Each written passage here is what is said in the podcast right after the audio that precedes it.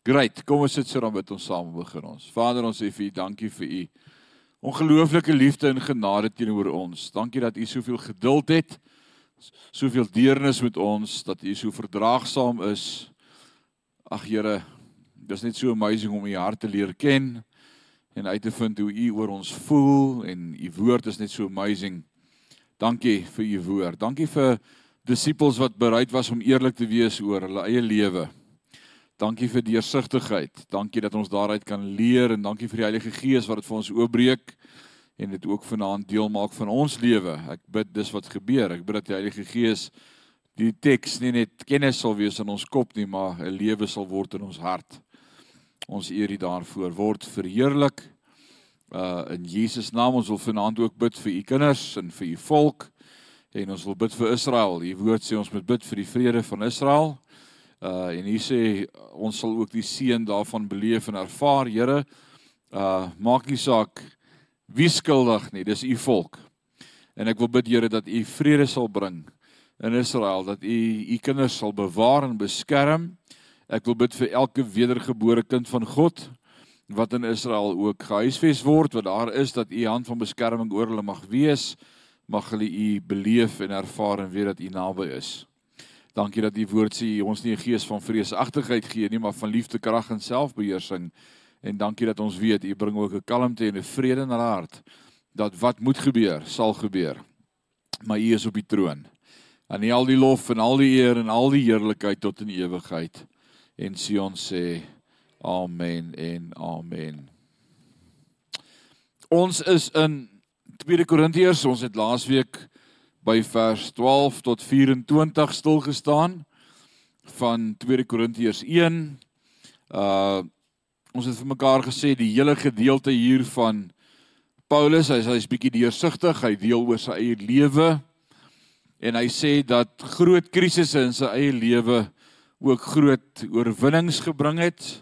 Uh hy's erg gekritiseer, dan was daar die probleem van oppositie gewees teen sy apostoliese gesag en hy het ook moeilike omstandighede beleef in Asië wat hy moes verduur.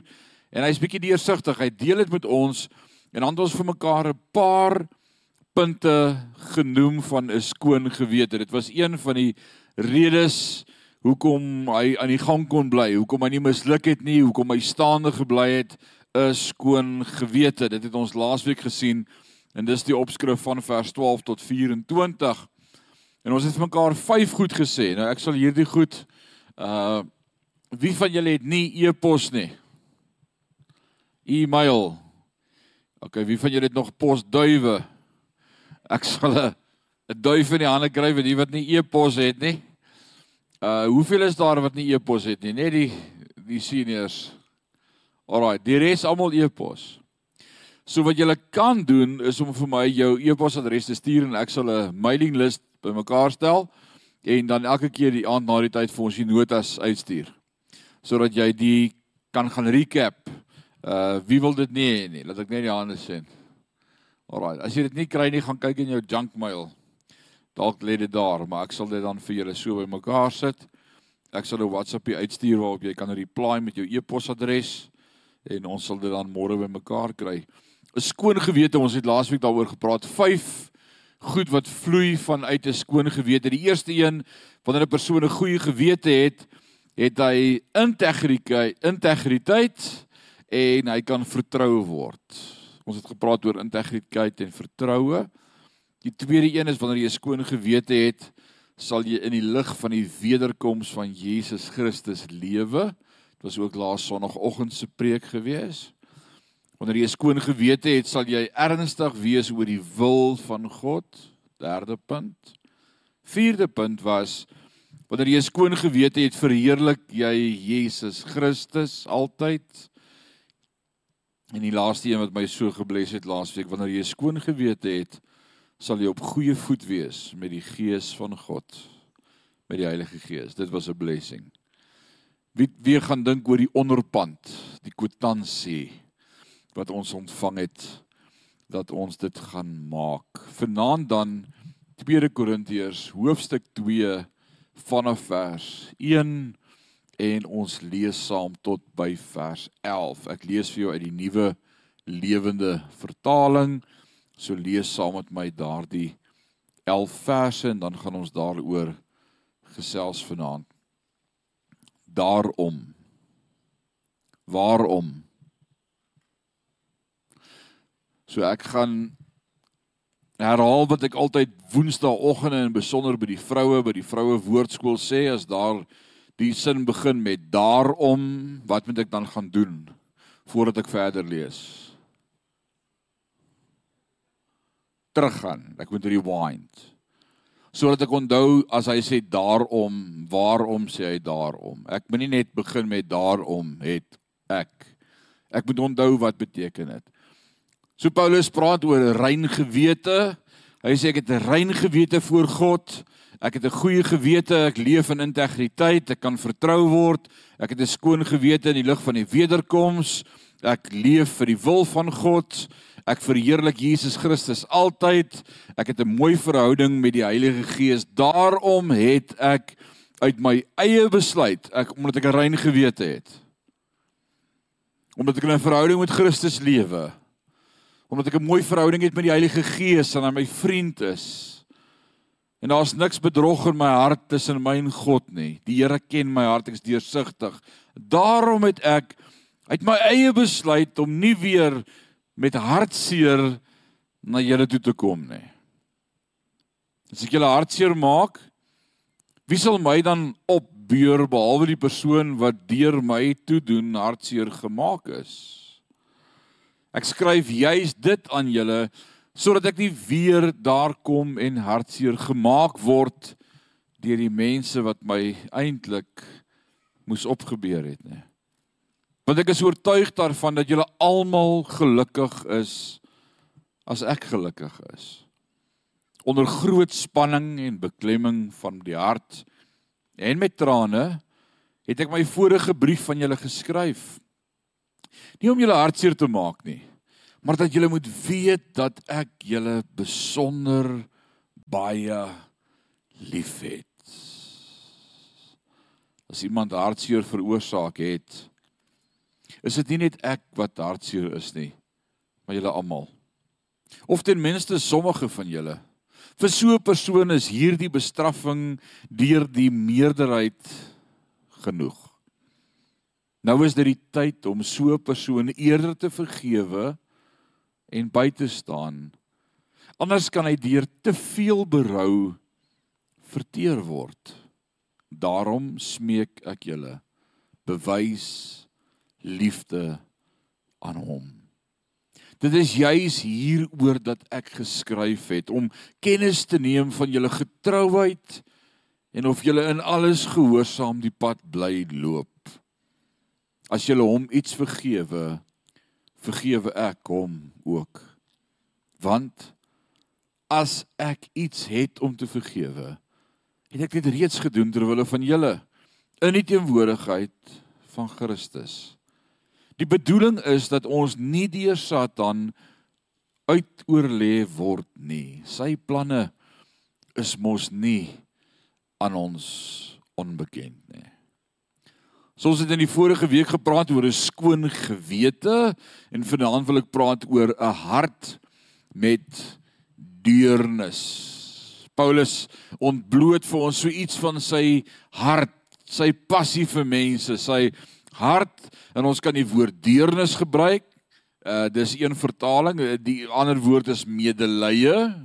Wat beteken medelee? Wat beteken empatie?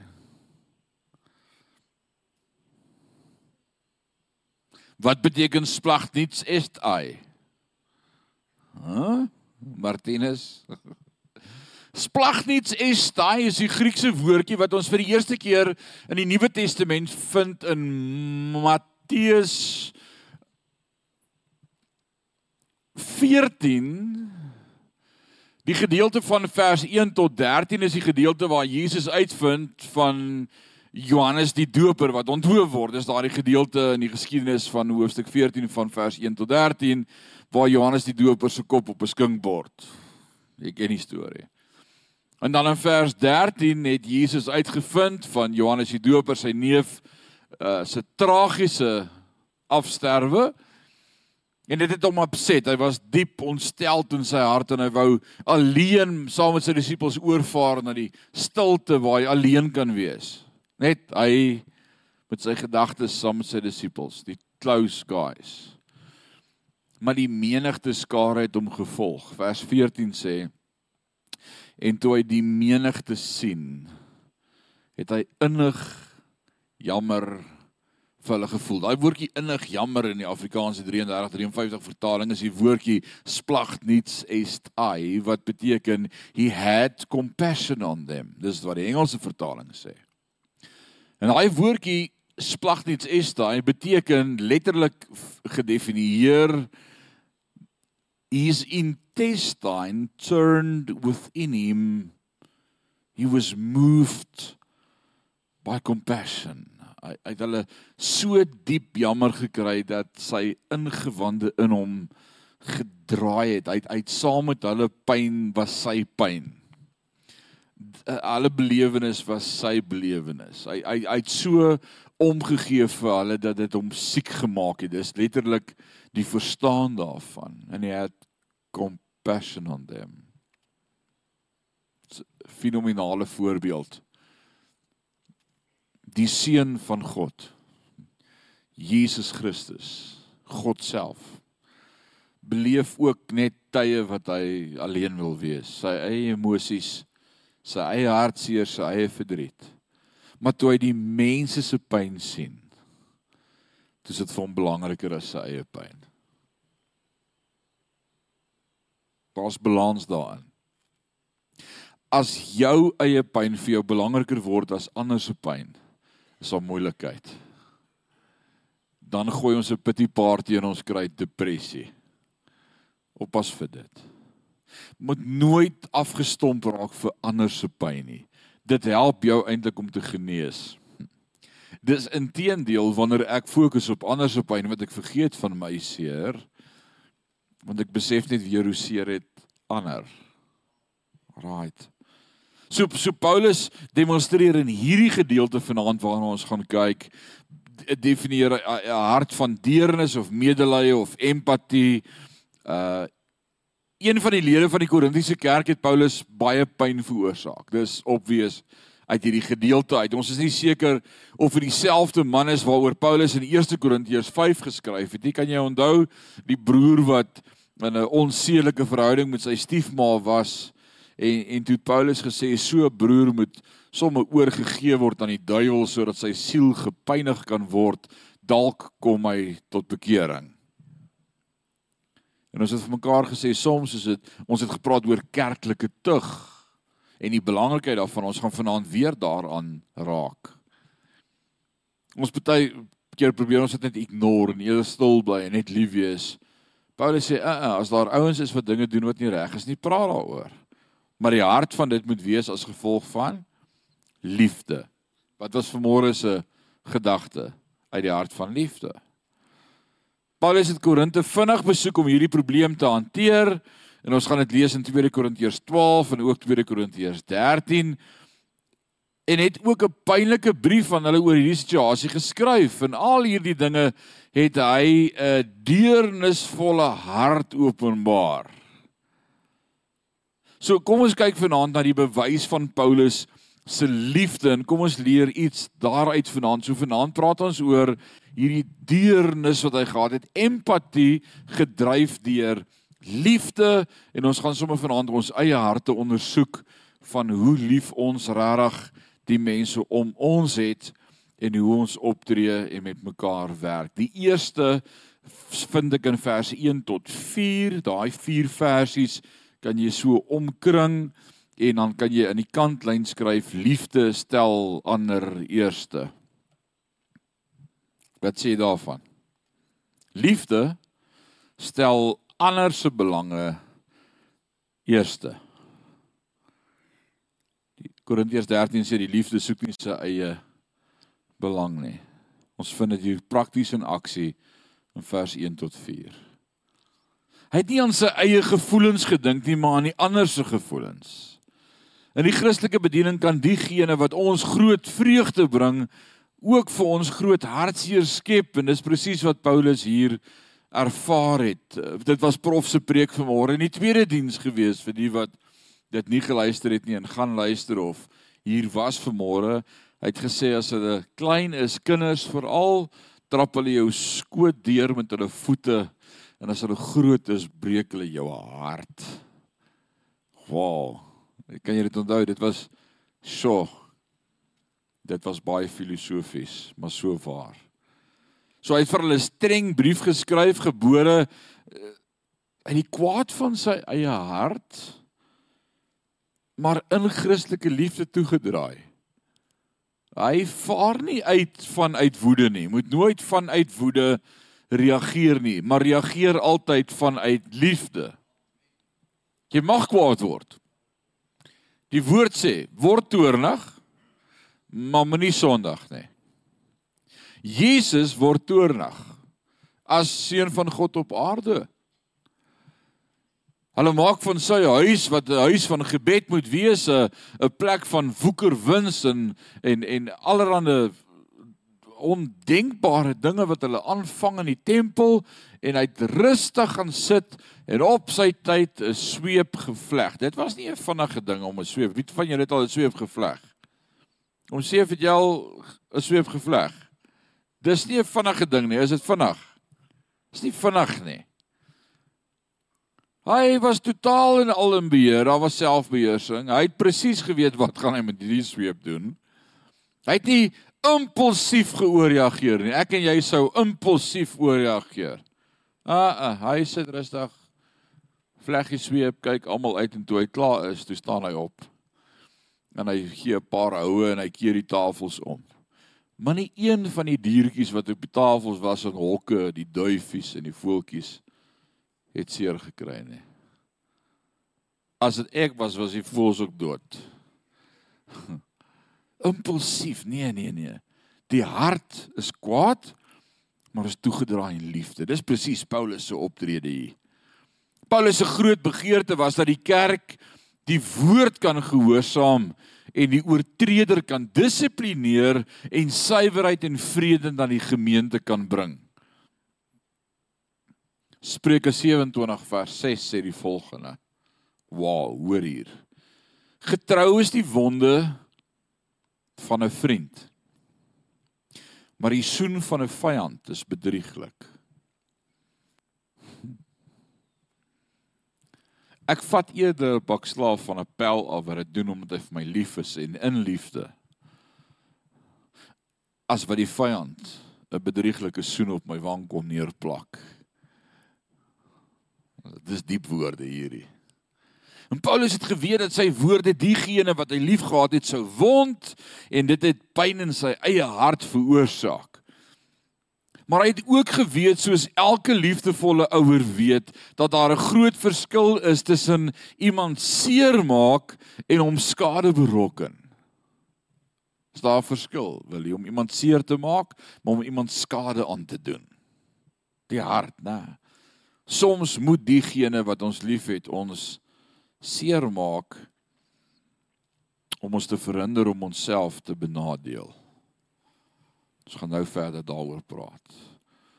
Paulus kon sy apostoliese gesag uitgeoefen het en die mense beveel het om hom te respekteer en hom te gehoorsaam, maar hy het verkies om geduld en liefde te gebruik. God het geweet dat die verandering in planne van Paulus as motief die kerk van verdere pyn en seer sou spaar. Liefde oorweeg altyd die gevoelens van ander en probeer om hulle welfaart voor alles eerste te plaas. Kom ons ondersoek ons harte vanaand ons motiewe, hoe ons optree met ander. Liefde oorweeg altyd die gevoelens van ander en probeer om hulle welfaart voor alles eerste te plaas. Die tweede punt, vers 5 en vers 6.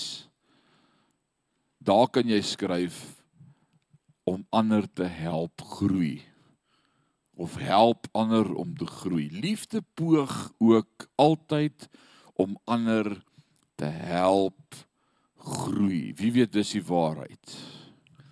As jy ouens liefhet, dan is jou grootste grootste grootste gebed vir hulle is dat hulle sal groei. Oh, my grootste gebed vir my seuns is dat hulle sal groei. My grootste gebed vir Sion gemeente dat ons sal groei. Die Hebreërskrywer sê van weer die tyd moes julle al almal leraars gewees het, maar julle het nog steeds nodig om gevoed te word met melk wat vir babas bedoel is omdat julle nog nie vaste spys kan hanteer nie. Groei in die woord. Alraait, dis liefde. Dis opmerklik dat Paulus nie die naam van die man wat hom teëgestaan het genoem het nie. As ek nou die brief geskryf het, sou ek gesê het Johan Kokemoor. Johan Kokemoor. Wanneer ons praat oor ouens wat ons seermaak, of seer gemaak het. En dit beteken nie jy hoef die feit dat jy seer gekry het te ontken of nooit daaroor te praat nie. Ons mag daaroor praat. Paulus praat daaroor. Maar dit maak nie saak wat die man se naam is nie. Dit is vir my nogal volwasse, né? Ons kan hier uitleer. Dit is opmerklik dat dat hy nie sy naam gebruik het nie. Paulus het egter die kerk gesê om hierdie man tot sy eie voordeel te dissiplineer as die persoon waarna verwys word hierdie persoon was wat in immoraliteit verval het in 1 Korintiërs 5 dui hierdie verse aan dat die kerk wel 'n vergadering gehou het en die man gedissiplineer het en dat hy berou het oor sy sondes en herstel is en dis baie baie baie belangrik om dit te weet. In 1 Korintiërs het ons gewonder wat gaan van hierdie ou word. En ons het mekaar gesê dat ek is wat voor 'n gemeentevergadering geroep word en uitgetrap word en sê luister broer, jy leef in sonde, jy's nie meer by die kerk welkom nie. Ons het met jou gepraat daaroor, jy weet dis verkeerd, jy weet dis sonde. In die kerk kan ons nie sonde goed praat nie. Daar's die deur, gaan maak reg dan kan jy terugkom. Nou nou hier lyk dit vir my hy het by die Here uitgekom want hy het teruggekom hy teruggekom. Nou wil ek sê ware dissipline is 'n bewys van liefde. Wil jy is dit waar? Ons kom ons dink 'n oomblik daaroor. Ware dissipline is 'n bewys van liefde. In die hand van vermôre se eerste diens, in die tweede diens was toe 'n ander sou gewees as die eerste diens. Almal hoor. Ek sê maar net. Sommige jong ouers met moderne sieninge van hoe om kinders groot te maak, weier om hul ongehoorsame nakommelinge te dissiplineer omdat hierdie ouers beweer dat hulle hulle kinders te veel liefhet om hulle te digtig.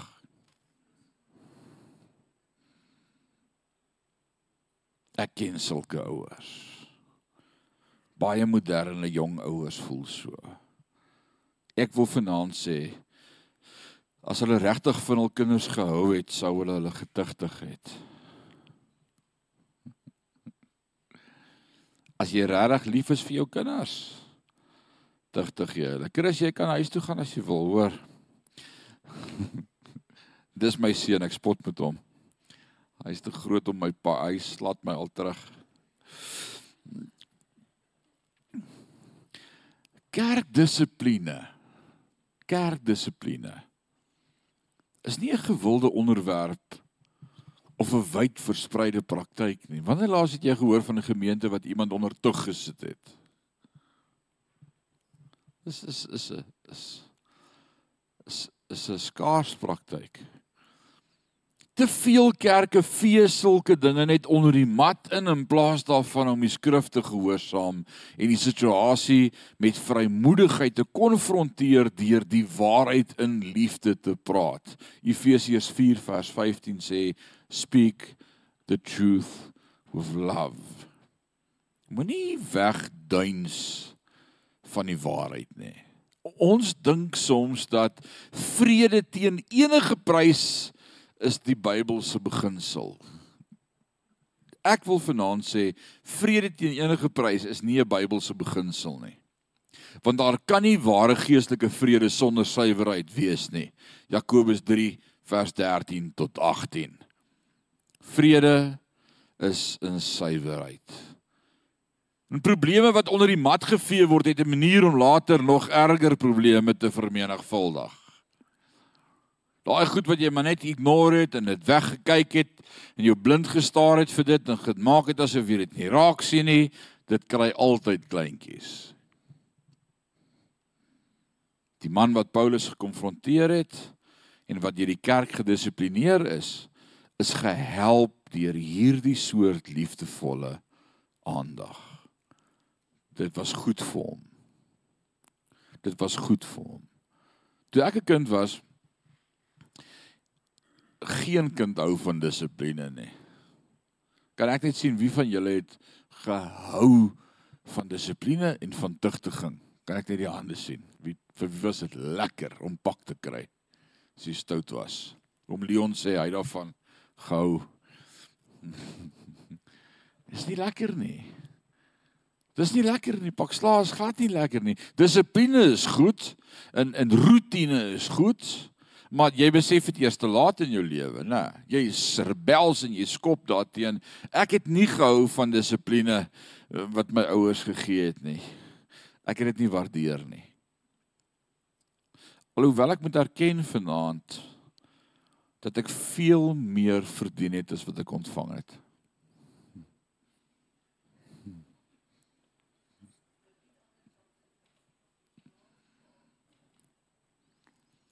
Nie een van ons is genoeg geslaan toe ons kinders was nie.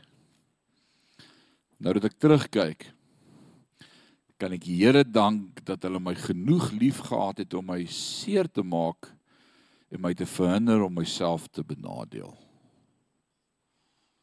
Nou verstaan ek wat hulle regtig bedoel het as hulle gesê het dit maak ons meer seer as wat dit jou seer maak. Jesus, ek het daai woorde gehad. Dis is ja right. Rarig. Hoe maak dit julle seer? Vandag as 'n ouer verstaan ek dit. Dit maak jou hart meer seer om die kind te tugtig as wat dit hom seer maak. Hy dink hy gaan doodgaan. Hy gaan nie doodgaan nie. Alraight. Dissipline is nodig.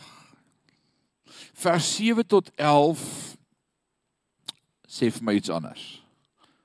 As ek kyk na liefde, dan wil ek sê liefde bly vergewe en moedig aan. Liefde moedig aan. Liefde sê kom aan, jy kan dit maak. Jy gaan dit maak. Hou aan. Moenie ophou nie. Moenie gaan sit nie. Dis liefde. Iemand vir wie jy nie lief is nie, gaan jy nie aanhou motiveer nie. Jy gaan nie aanhou om hom jy jy gaan nie, jy gaan hom los. So ek leer dit uit Paulus se hart uit in hierdie gedeelte. Paulus het die kerkfamilie aangespoor om die man te vergewe en hy het goeie redes gegee om hierdie vermaaning te rigsteen. Om mee te begin sou hulle hom om sy eie ontwil vergewe. Hoor wat sê 2 Korintiërs 2 vers 8 anders kan hy deur te veel berou verteer word. Baie keer dan bly ons iemand ignore wat ons te nagekom het. Jy skryf hom af in jou gedagtes. Hier kom Paulus en hy sê 'n ongelooflike ding. En ek wil dit vir die ouers sê vanaand, ek wil dit vir kerklidmate vanaand sê, ek wil dit vir familielede sê vanaand. Oppas om permanent iemand af te skryf. Ek leer 'n ding vanaand wat Paulus sê, anders kan hy deur te veel berou verteer word. You can lose him forever.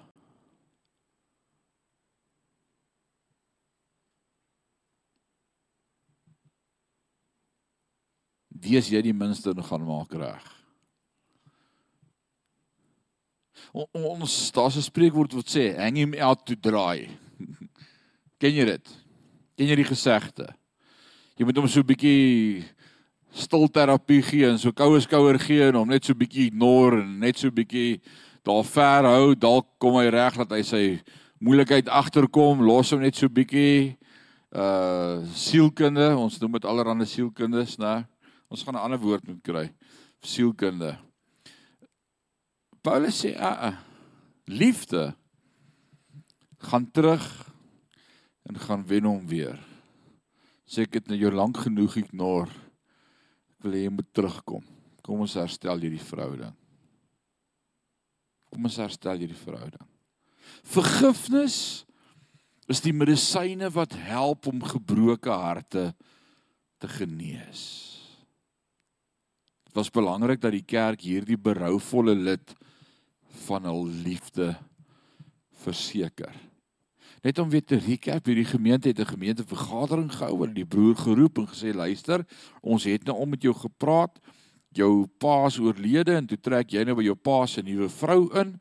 Dis ondenkbaar, jy kan nie dit doen nie uh ons gaan jou nou moet onder sensuur plaas en ons wil vir jou sê jy's nie meer by die gemeente welkom totdat jy jou nonsens los en by die Here uitkom nie. So daar's die deur. En nou het hulle hom gelos en nou het hy intussen by die Here uitgekom uit sy sonde gebreek mee en en nou sê Paulus julle kan hom nie bly ignore nie. Julle moet vir hom ruimte maak in die kerk. Julle moet julle moet hom vergewe. Julle moet vir hom sê ons is lief vir jou en ons is trots op jou en ons is so bly jy het gebreek met sonde. Ons kan nie ons kan nie hom net aanhou ignore nie. Anders gaan hy deur te veel berou verteer word en dan verloor ons hom vir altyd. Dan gaan hy sê ek wil van die kerk niks weet nie. Daai klomp kerkmense veroordeel ons net. Hulle judge my net. Daar's geen liefde by hulle nie. As jy dan verloor jy hom.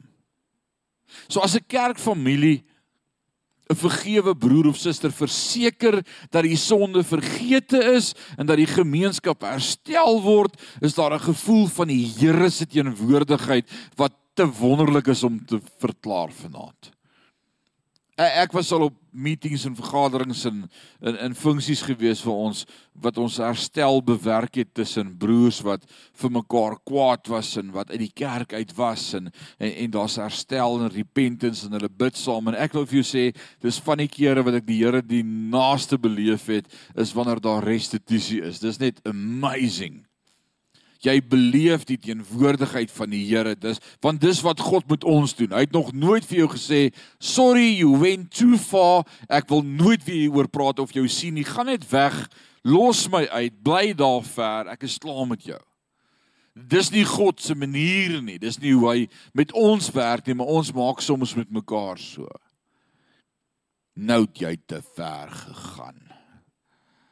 Rarig en jy is volmaak wat dit sê? Jy sonder sonde wat dit sê? Rarig die woord sê al eers die balk uit jou eie oog voordat jy die splinter uit jou broer se oog probeer haal. Dink dis Matteus 7 vers 2 3 en 4 elke ouer wat 'n kind dissiplineer moet die dissipline volg met die versekering van een liefde en twee vergifnis. Dit is so belangrik. Of die dissipline sal meer skade doen as goed.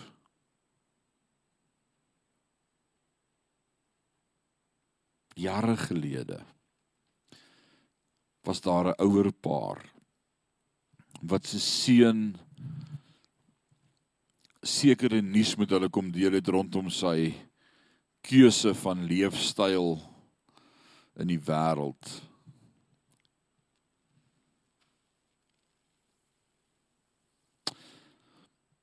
Hy ouer paar is self in die voltydse bediening. Hy's 'n 'n pastor. En hy het vir sy seun gesê as dit jou keuse is, daar's die deur, dan is jy nie in die huis meer welkom nie. Dalk was dit die regte optrede. Maar iewerster is daar 'n punt. Paulus sê anders kan dit deur te veel berou verteer word. Die waarheid is 30 jaar later. Dis 30 jaar later en die ouers se deur is steeds toe vir hulle seun. Dis so hartseer. Dis so hartseer.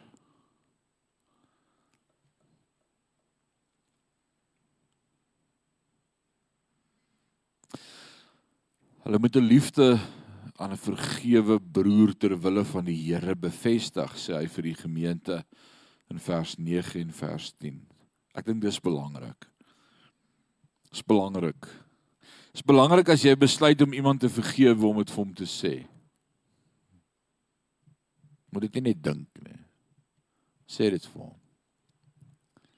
Dan kom ons praat vir 'n oomblik daaroor.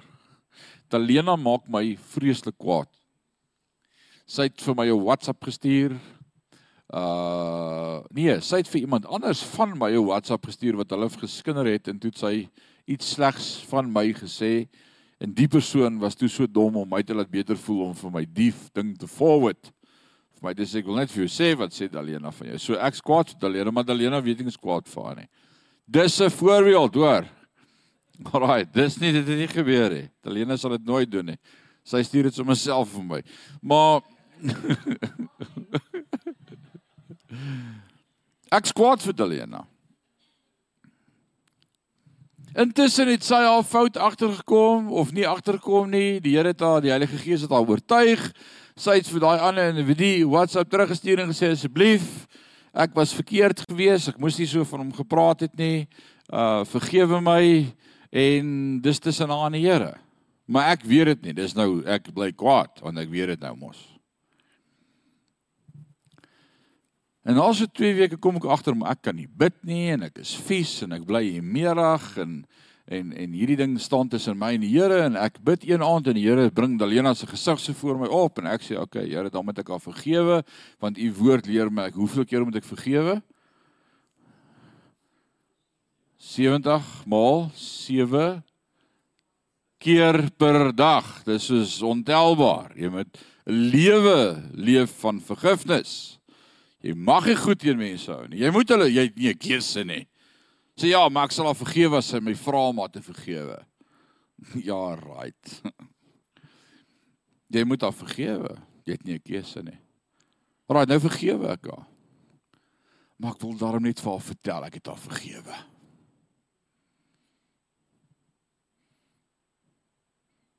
Dis dit doen ons maak skryf ek vir haar WhatsApp en sê Dalena, ek wil net daarom vir jou sê ek vergewe jou want uh, ek weet wat jy alles van my gesê het en uh, ek weet hoe jy met nagekom het en hoe jy my laat voel het en ek was diep ontsteld, vreeslik opset. Ek kan nie glo jy sê sulke goed van my, maar ek wil net vir jou sê ek vergewe jou.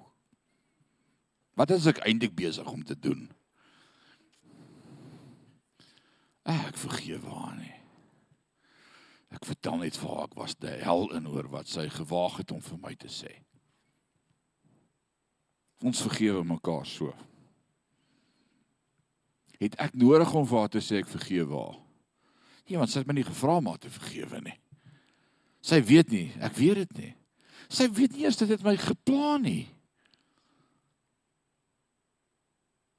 Maar ek loop met die vark in my hart. Sien hoe maak ons? Ek loop met dit in my hart. Ek het nou dag verby die pastoor gery en hom gewaai en hy het gemaak of hy meneer sien nie, hy het net verby gery.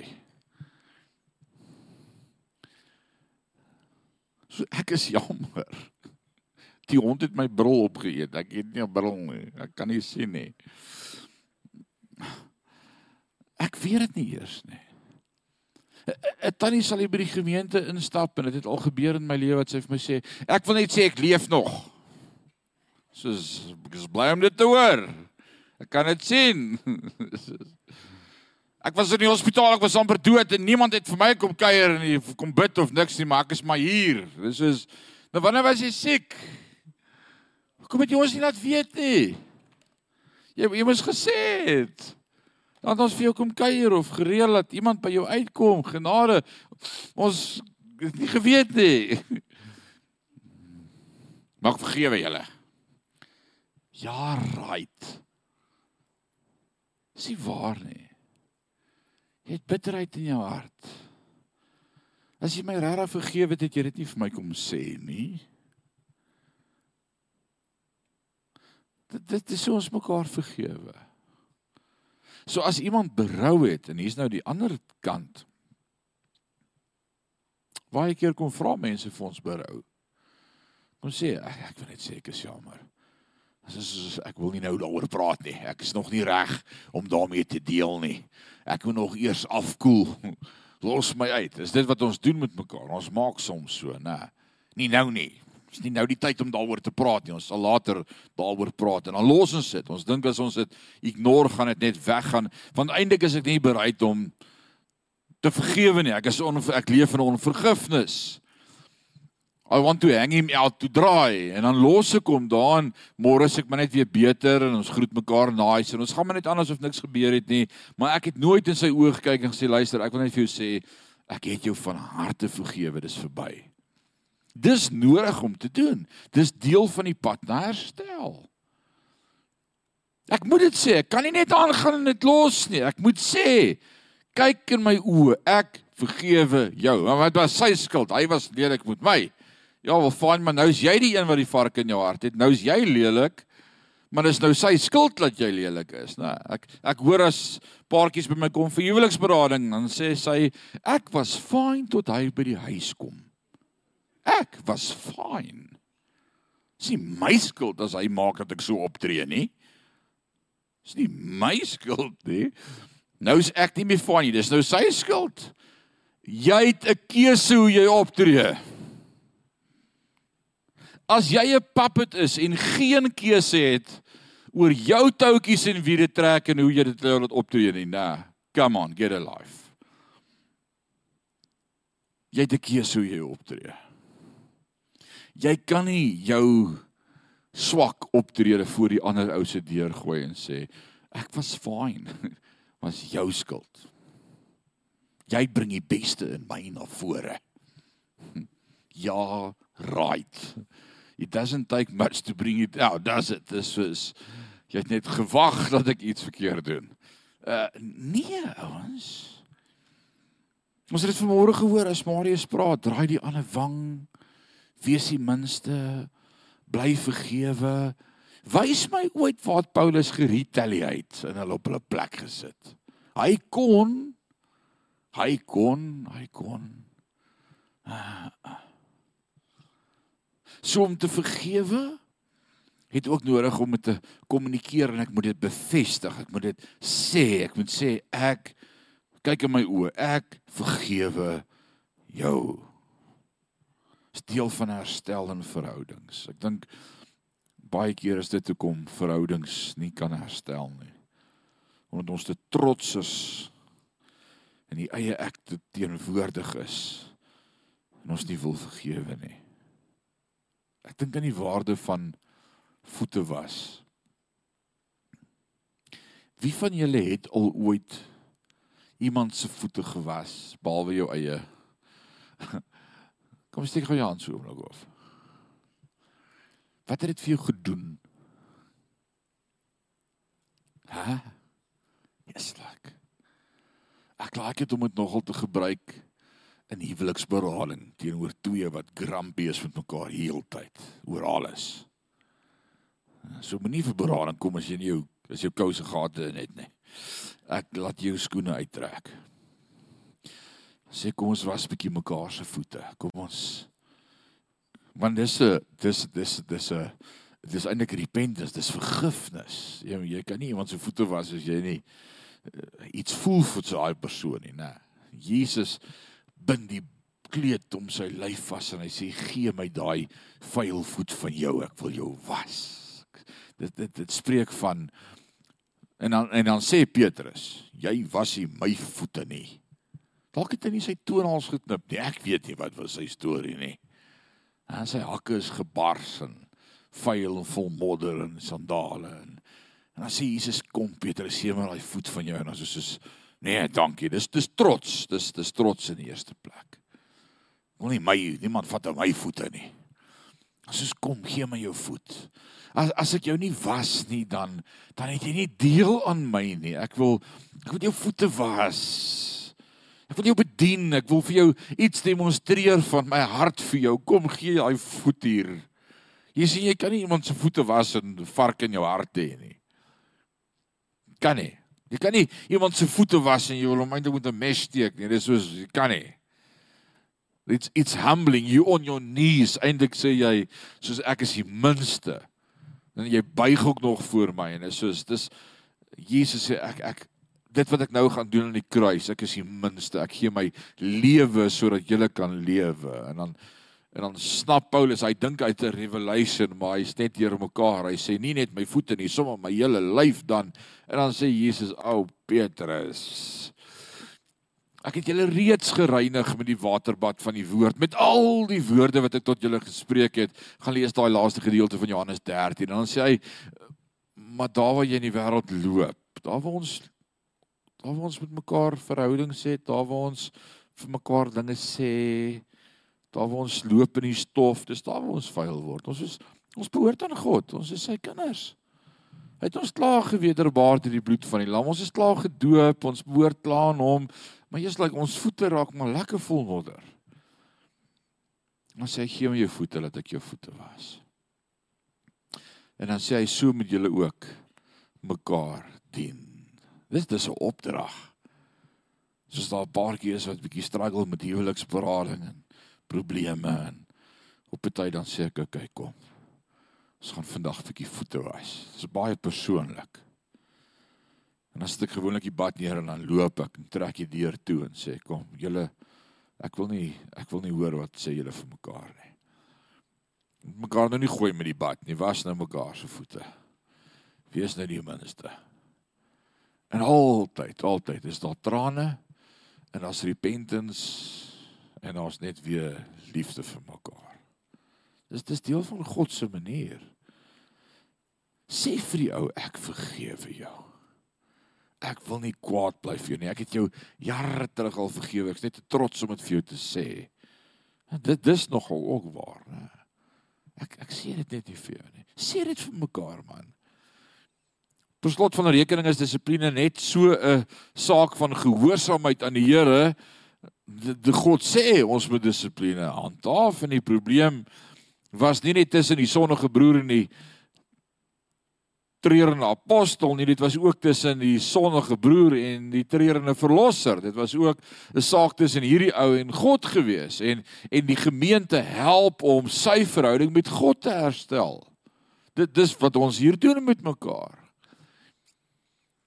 Dis wat ons hier doen met mekaar. Die man was teen Paulus in die kerk. Hy het teen Paulus in die kerk gesondag, maar hy het die meeste van almal teen God gesondag. Paulus het 'n derde rede gegee. 2 Korintiërs 2 vers 11. Hulle moet die oortreder te wille van die kerk vergewe. As daar 'n onvergeeflike gees in die gemeente is, met ander woorde, die gemeente sê nee, ons wil daai ou nie teruggee nie. Sorry, hy het te ver gegaan. Hy het ons gemeente seer gemaak. Hy het dinge gedoen wat hy nie moes nie. Ons wil hom nie vergewe nie. Omdat sonde nie op 'n Bybelse manier behandel is nie, gee die Satan 'n sterk hand waarvandaan hy in die gemeente werk, want nou word dit 'n wrok. Ah, ek gaan hom nie vergewe nie. Daai ou is nie weer hier welkom nie. As hy sy voete hier sit, sort ons vir hom uit. Dit klink baie geestelik, né? Ons wil die werk van die Here doen. En ons wil die duiwel buite hou en dit klink baie geestelik. Maar wat eintlik gebeur is hier ontstaan nou 'n wortel van bitterheid in ons harte. Sê daai ou sal nie weer sy voete hier sit nie. Hy 'n vark in sy hart. Nee, waar's die ou met die vark in sy hart nou? Zak, is jy? So ek moet werk om te vergewe. Ons bedroef die Heilige Gees en gee plek aan die duiwel as ons 'n onvergeeflike gees het. Ons doen, ons gee plek vir die duiwel. Die Heilige Gees gee ons aan sonde oor sodat ons dit sal bely en na Christus gaan om skoon te maak. Maar die Satan beskuldig ons van sonde om ons wanhoopig te maak en weg te vat van God af. As ons toedelike broer of suster volgens die Bybel gedissiplineer word, repent. Moet die kerkfamilie die lid vergewe en herstel. En die saak moet vergeet word en nooit weer opgehef word nie. As die kerkfamilie of jou familie of enige persoon in die gesin onvergeeflike gees dra, as jy sê jy sit nie weer jou voete in hierdie huis nie, sal Satan daardie verhouding as 'n stronghold gebruik vir nuwe aanvalle teen daardie familie. Paulus kon die probleem wat hy in die gesig gestaar het oorkom het omdat hy 'n duidelike gewete en 'n deernisvolle hart gehad het. Dis al, hy het 'n rein gewete gehad en hy het empatie gehad vir God se mense. Hy wou nie sy eie saak gedryf het nie. Die probleem is ek en jy wil ons eie saak dryf en nie God se saak nie. Ons voel te nagekom. Ons voel bedrieg. Ons voel vir 'n raai gevat. En dan wil ons namens God besluit.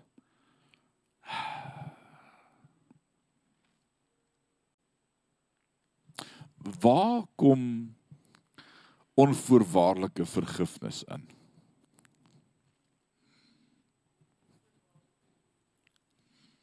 Onvoorwaardelike liefde.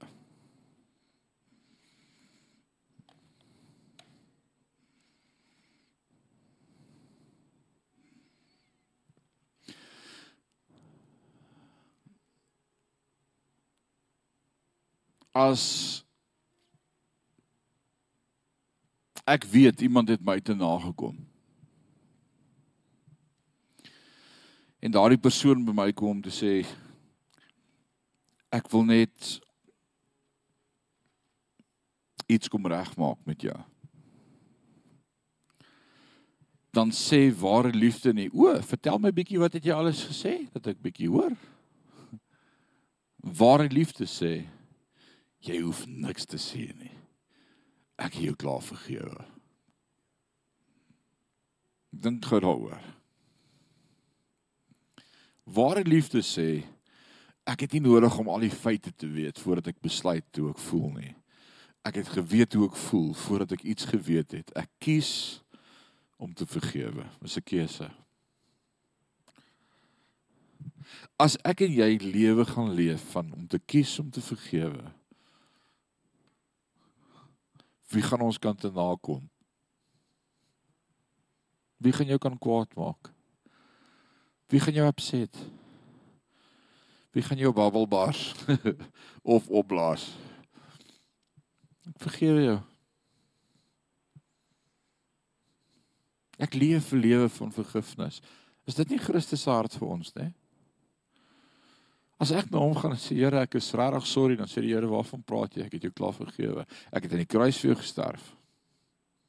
My bloed het jou sonde weggewas. Ek kan nie weer daaraan dink nie." Dis so ver soos die ooste van die weste, in die diepte van die see. Ek dis dis dis vergete. Waarvan praat jy? Maar dan hoor ek in verhoudings hoe ons met mekaar maak. Soos iemand vra my te vergewe dan sê ek: "O, nee, vertel my eers bietjie dat ek hoor. Wat het jy alles gesê? En vir wie het jy dit gesê? En wanneer het jy dit gesê? En hoe lank het jy dit gesê? En hoe lank loop jy nou met die ding in jou hart rond? Nee, nou moet jy my 'n kans gee. Ek moet nou eers oor die skok kom." Oh, come on. Vergewe net. Vergewe net. Wie is jy om iets te niemand te Vergewe net. Dis die bevrydendste gevoel om te kan vergewe. Wie wie sê amen? Daar's niks soos vergifnis nie. O, oh, hy het my vergewe. Hy het my vergewe. Kom ons bid saam. Kom ons bid saam.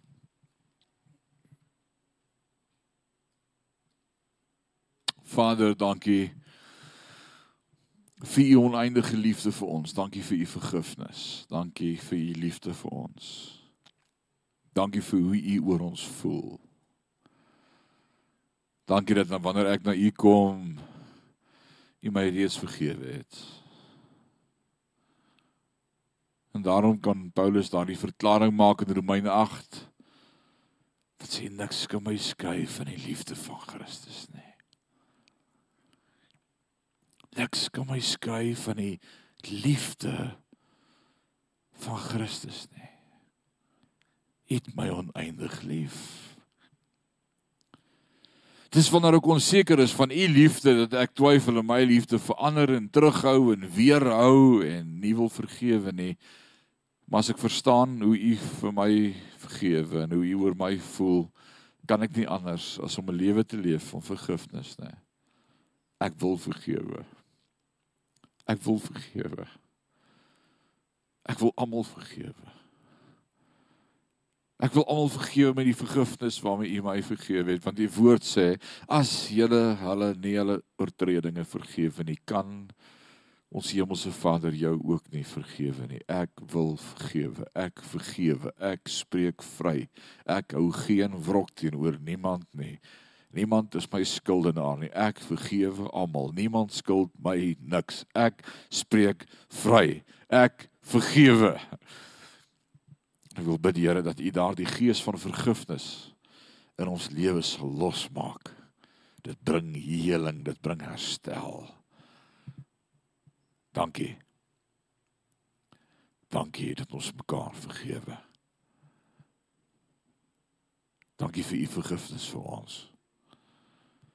Dankie dat U Uself van die kruis laat vasspyker het met 'n doringkroon op die kop en 'n spies in die sy sodat ek mag sê ek is vergewe. Dankie. Dankie vir u woord. Dankie vir vir Paulus se hart. Dankie dat hy dit met ons deel en dankie vir wat hy in ons lewe doen en dankie vir vergifnis. Mag ons regtig daardie hart van liefde hê met mekaar wat net vergewe.